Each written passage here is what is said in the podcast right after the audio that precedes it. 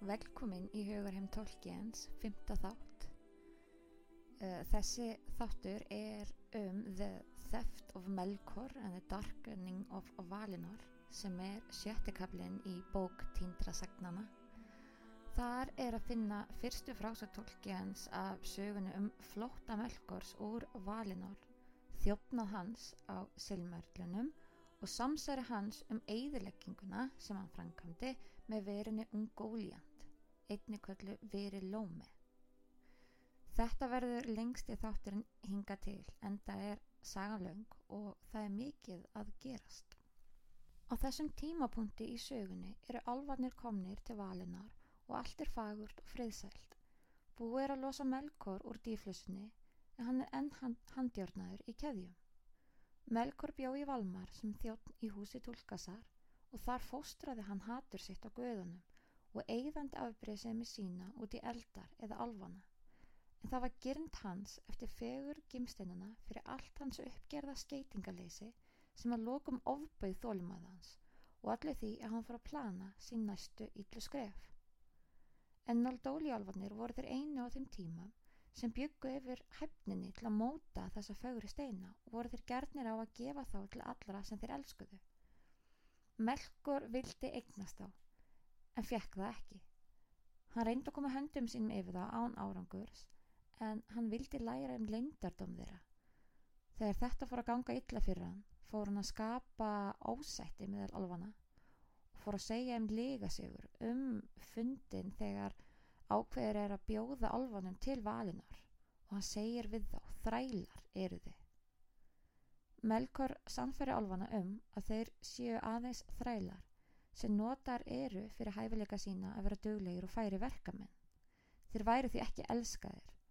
Hann sagði við þá að þeir ættu rétt á að byggja um sitt, sína réttu arflið sem illu vatar hafa ætlað þeim.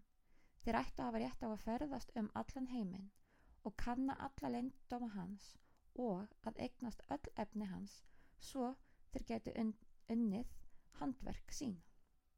Þegar þeir heyrðu þetta vaknaði upp þrá hjá Nóldóli í alfanum.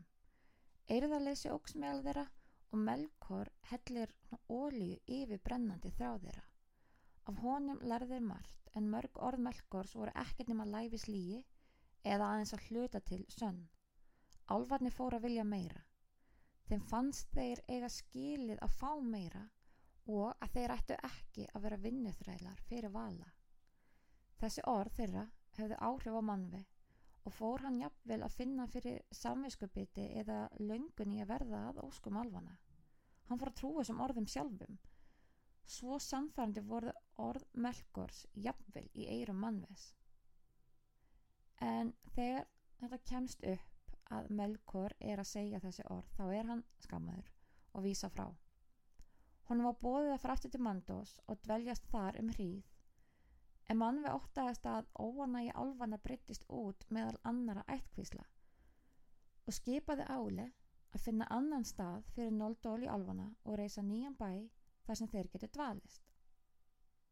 Mikil sorg var í borginni Kór þegar þessi tíðindi bárust þangað og voru allir reyðir vegna svika melkors. En nóldóli álvarnir eru hálfgert raknir burt og þeir finna sér dal til að búa í að þeir búast alltaf við að koma einn daginn aftur til kór í, sem er í valinor. En í þessum nýja dal þá uh, fara þeir högva út hella. Þánga tóku þeir með sér auð sinna gimsteinum, gulli, silfri og fagrum hlutum. En á sama tíma voru forna heimilið þeirra í kór tóm af röttum þeirra aðeins fulla málverkum þeirra og fræðibókum. Götur kór svo vegir valnor ljómiðu enn af gimsteinum og útskornu marmara sem sögðu frá fyrrum hamingidögum þeirra. Nú er Melkvar í Mandós langt frá Valinár og skiplegur hann uppreist og hemd á bæði alvana og guðana. Melkvar dvelur nær þrjár aldir í kvelvingu Mandósar. Hann fyrir að vingast við drungalega anda og verur og afvega leiður þá til Íls og lofar þeim stórum löndum og héruð í jörðinni til að eiga ef þeir kæmu honum til hjálpar þegar hann kallaði á þá í neyð. Nú sapnaði hann þeim til sín í dimmum giljum fjallana umhverjus mandós. Hann sendi einni njósnari yfir til Valinar til að njósna um hvað var að gerast þar. Það kemur að þeim tíma að Valar og Alvar heldur veislu mikla og er Melkor beðin um að koma ekki í hana. Veislan var haldinn á sjóra fresti til að fagna því þegar Alvar komið til Valinors. Þriðja hvert ár var minni veisla til að halda upp á komu kvítaflota Sol og Simpi-alvana að ströndum eldumar. En 21. hvert ár þá voru báðar þessa veislur saminnaðar og stóð hún í sjö daga. Allir komu þá til kór sama þeir eru stattir í heiminum nefnum þetta Melkor í þetta sinn að því hann mátti ekki koma með pompi og prakt voru haldnar langar skrúðgöngur alvana dansandi og syngjandi vegur hafi verið lagður fyrir þessa hátíð frá vesturliðu kórs að turnum hins voldöga boga sem opnaðist í veggjum Valmars norður í átt á trjánum svo komu telir í alvarnir undir fórustu hinn að kvítklættu íbúa innvir og eftir komu Noldóli-álvarnir með leiði mannves því öll ósætti voru setti hliðar fyrir hátíðarhöldin en tónlist Noldóli-álvana var í þetta sinn daburlegri en áður. Allir fara að syngja söng ljósins. Lægið hafði Lýriló samið og kent þeim og var það um þrá álva eftir ljósi um óttalögu ferð þeirra í gegnum myrka heiminn í átt að ljósatrjánum. Þá opnust hlið Valmars og böðnur norið þeim inn og ganga allir inn. Þar tók varta á móti þeim og fögnuðu allir guðinni þeim og voru veislur haldnar í öllum stórum sölum eftir það.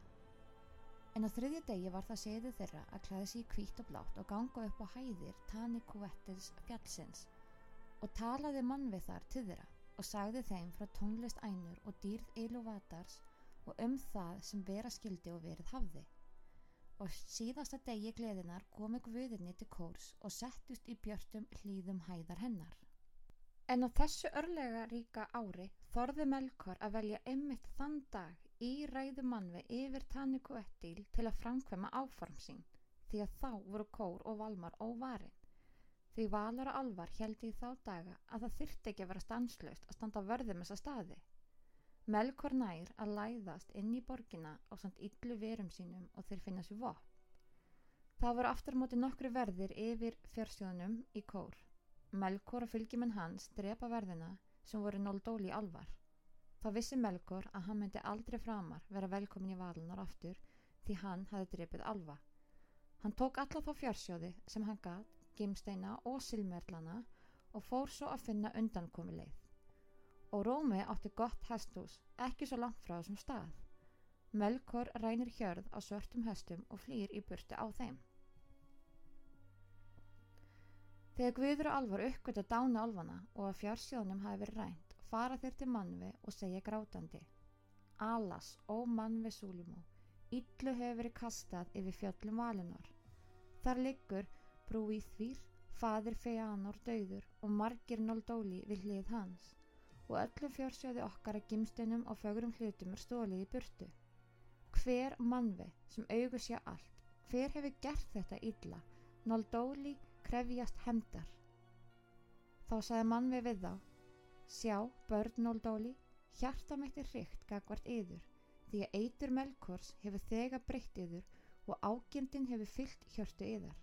Hefðu þér eigi talið gimsteina yðar og vefnað meira virðin hátíðin eða lögmannves, herra yðar, það hefði svo ekki verið. Viska mín kenni mér að vegna dauða brúðfýr og félaga hans muni hinn mesta böl koma yfir guðu og alfa og tilverandi menn. Ángvöðana sem leiti ykkur til ljósins og gáfi ykkur allan efni við yðnaðar ykkar og kendu fyrstu fræði ykkar hefði ekkert að þessu fagra sem þið elski nú svo vel nokkru sinni verið. Það sem gjört hefur verið má aftur gjöra því að máttur vala breytist ekki en meira virðin öll dýr valinar og allur þokki og fegur kór er friður, hamingja og viska og það er erfiðara að endurheimta það sem eitt sinn týndist. Hætti því að mæla gegn völum og gerðu ykkur jafninga í hjörtum eðar sem jafninga hátirnar þeirra. Það er nú með þólumæði, vitandi fullvel að Melkor hefur framið þessa ílsku gegn ykkur og að leynileg samskipti ykkar við hann hafa fært ykkur allan þennan missi og sorg. Treysti því ekki framar honum en nýja neinum öðrum sem kvistla leindum orðum óanægu yðar á milli því að ávakstur þess er niðurlæging og skelving. Alvarnir urðu skjelvingalosnir og óttastegnir og snýri aftur heim algjörlega niður brotnir. En þó var hjarta mannves þingra en þeirra því að ílt hafi verið gert. En þó sá hann að verra myndi verða, sem satt gerast. Orð mannves til alvana virtust köld og hjartalauðs og þeir þekktu ekki sorgans eða blíðu en mannvi sagði þau því honum líkaði ekki við græðki þeirra, græðki og hlutum og fannst að þeir höguðu sér eins og börn sem hefði mist dótið sitt. Melgor kemst til Arvalin sem var Eðiland og þar varð hann að dvelja um hríð því annar staðar getur valar eða alvar fundið hann. Melgor sendi skilabóð með sendibóða til valna og segja þau að hann vilji ræða fríðhelgi. Sendibóðin stendur við valmarliðið í ett valinor. Tulkas hefði þar kasta grjóti á hann og drefið hann en hinnir leifðu honum ekki að vera miðstyrmt en þrátt fyrir reyði sína og fyrirlitningu leifðu þeir sendibóðanum að tala. Hann segir, drottin Melkor höfði ekki heimsins frá dökka austrinu til ytra hlýða valinorfjalla til frænda sinna ænurna. Í bætur fyrir ýmsar hörmulega sakir og langa óréttlata fangelsisvist, þrátt fyrir að hafa verið gufugur og hann hafi þjáðst af ykkar hendi, hefur hann nú tekið eins og honum ber nokkra litla fjársöði sem Noldóli Alvar, þrælar ykkar, gemdu. Hún er þykið að mikil sorg að hann hafi drefið nokkra þeirra en þeir vildu skada hann. En guðlasti þeirra mun hann að leggja úr minni og öll þeim megin er þegar góðin hafi valdið honum mun hann gleima. Svo lengi sem hann fá að koma aftur til Valmar og þið hlustið á kröfur hans og fullna í þeim. Noldóli skulle vera þjónar hans og þar að þau ekki krefstan réttlætis. En áður en hann er að klára skilabóðin sín, stökka valar niður að mikill reyði meðan hann að stúlkaðs og þakka þeir niður í honum. Mann við byggði þá að sleppa sendibóðanum en þeir segja Þetta er engin sendibóði heldur uppreysnamaður, þjófur og morðingi. Hann hefur sörgað helgi valinor, rópaði tólkas og kastað ósöfni sinni í tennur okkar. Hugur allra alvana var sem einn í þessu máli. Þeir átti ekki vona á að ná uh, sversjóðunum sínum aftur nema með því að handsama melkor en þeir vildi alls ekki eiga vopnarlið við hann og myndi koma fram við hann eins og útlaga og allt hans fólk. Margi valar tala með alvonum og eru sammálegum. Mann við ákveður þá að melkor skuli gerast útlegur. Það segir hann við sendibúðan og bað hann að fara til húsbunda síns með sér en Valur og Alvar vildið ekki og undir fórustu tólkas greipið þeir hann sendibúðan, hljöp upp fjallið Tanniku Edil og sögði hann engan bóðbura og köstu hann niður á grjót arfa líjans svo að hann var drepin. Mandus tók svo að máta honum í dýpstu hellum sínum. Þegar mannveis á þessa uppreist og óbeldisverk þá kastaði hann veldisvorta sinni niður og grét. Valar töluði við Sorontur sem var konungur allra arna og senda hann skilabóti Melkors sem sagðu Farðu að eilifu, bölvaður og dyrfist ekki eigi samskiptum við Guði eða alfa hverki fótur þinn nýja nokkur sem manns sem þjónið er skal tröðka inn á landvalunar á ný menn heimurinn varir. Þegar Melkor heyrir þessi skilabóð og að sendibóði hans hafi verið drepinn, drepur hann örnin Sorontur. Valarnir fara svo undirbúa það og koma í veg fyrir að Melkor komist aftur til valinar, meðal annars með því að hækka fjöllin í kring og að ávalt verði staðið vörð um leiðirnar að valinar. Ále, valin sem var mikil smiður, talar nú fyrir alfunum við mannve að orð hans hafi verið soldi harkaleg og að alvarnir eru ekki þrælar, heldur undur samlegir og fagrar verur og þeir ættu að vera gestir guðana að eilifu þá býður mann við þeim að snúa aftur til kórs og ef þeir vilja halda áfram að búa til gimstinn á vefnað og skal þeim gefið allt sem þeir þurfa til þess og megi verða ríkulegra en áður. En þegar Fenor, sem var alfur, heyrði þessi orð, sagði hann, já, en hver getur gefa okkur aftur gleðan á töfrana sem við mistum? Og brú í þvír er dauður og hjarta mitt líka. Margir fóru engu að síður aftur til kór, En Þeonor bjó áfram í sorg með fáum öðrum í Sirnúmen og þótt hann leitaði þess dag og nótt gata hann ekki með nokkur móti gert aðra skarkrippi eins og silmerlana til forna sem Melkor hafi stólið. Það hefur heldur engin handverksmaður náð að gera þá aftur síðar. Það fara beiskar hugsanir að vaksa einra með fenor. Eitt daginn fyrir aftur til kórs, þar talaði hann við alvana og fannst að í kór byggju þeir við sorgir og skertan auðir og dýrð og bauð þeim að yfirgefa þetta sem hann kallaði fangelsi, eins og hann lísti því. Hann kallaði valana hugleysingja og að hjörtu alfa væru ekki veikburða. Hann sagði að það yrði stríð á milli alfa og melkors. Ef alvar myndi deyja í þeim bardaga, þá væru dimmir salir við, undirheimar alfa, litlu verri en þetta fangilsi. Hann fekk nokkra til að fara, til, fara fyrir mannveg með sér og krefjast þess að Náldóli alvar fengi að fara frá valnar í friði og koma sér fyrir heila höldnu til strandana þaðan sem þeir hefðu frá fornum fari verið ferjaðir en þá verður mann með sár yfir þessari bón og bannaði alfanum að mæla slík orði í kór ef þau vildi enn búa þar meðal annara alfa. Síðan fór hann að segja þeim margt um heiminn og engina hans og hætturnar sem fyrir voru og það sem verra, það sem myndi gerast þegar Melkor snýri aftur. Hjarta mitt finnst og viska mín segir, sagði hann, að ekki myndi líða mikil öld fyrir hinn börn Ilvatars menninir kom í heiminn og það í tónlist ænurna sem segir að heimurinn mun enda undir stjórn manna. Hvort að vera til hamingi eða sorgar hefur ylluvatar ekki ofinberað og ég vil ekki að deilir ótti eða reyði komi á milli hinn að ymsu barna ylluvatars. Við þetta bætti hann mörgum orðum um menn og eðli þeirra og undurðust nóldóli alvarnir á því því að þeir höfðu ekki heyrt vala að tala um menn nema mjög sjaldan hafði þá ekki verið gefið þeim of mikið gauðum og virtust þessar skeppnur veikbyrða og blindar og klauðalegar auk þess að vera döðlegar og ekki að nokkun hátt uh, líklega að jafnast á við dýrð alfa.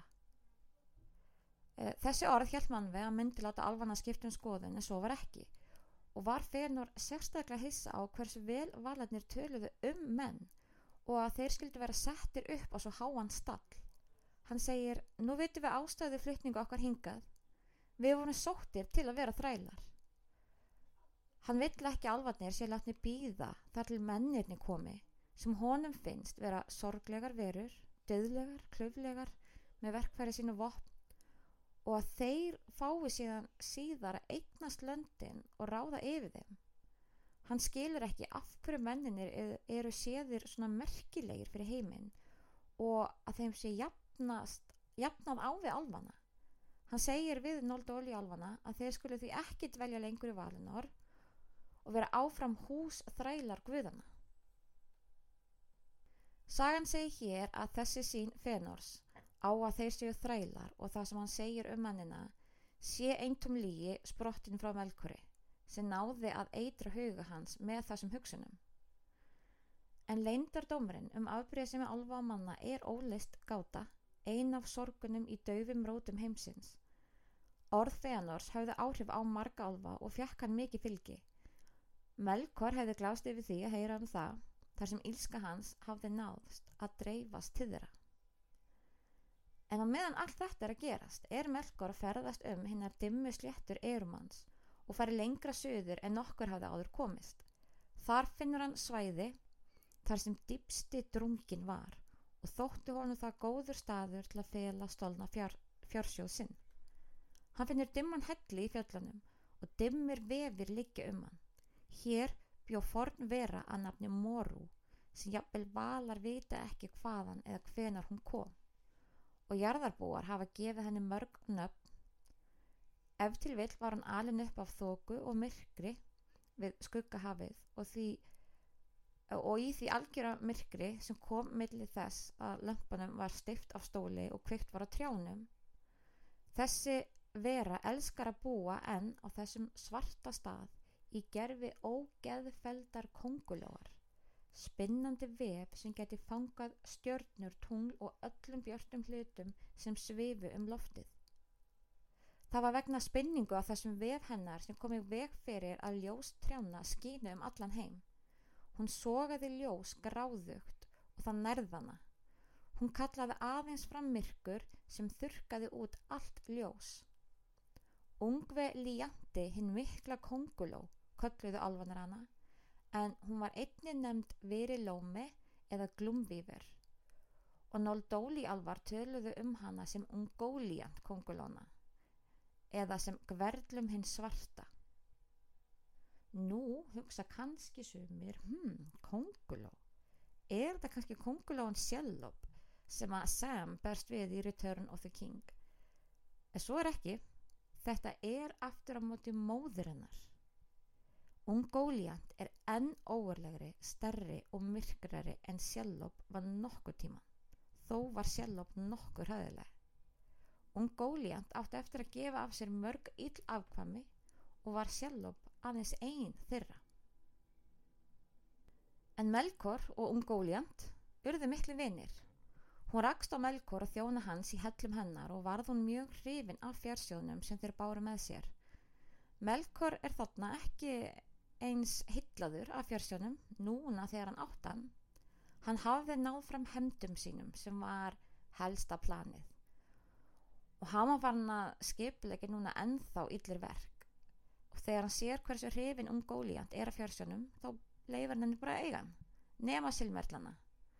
Og þannig varð fegurstu fjársjóður sem nokkur maður hefði fengið að líta augum á nú í eigu ægilegra veru sem faldi hann djúft í hellum sínum og vafði hann myrkum vefum. En Melkur og Góliant fara saman á Valinor og þá er ekki búið að reysa upp fjöllin nógu hátt svo að þau kæmist ekki yfir. En Góliant spann myrka vefi sem flutu um eins og skuggi.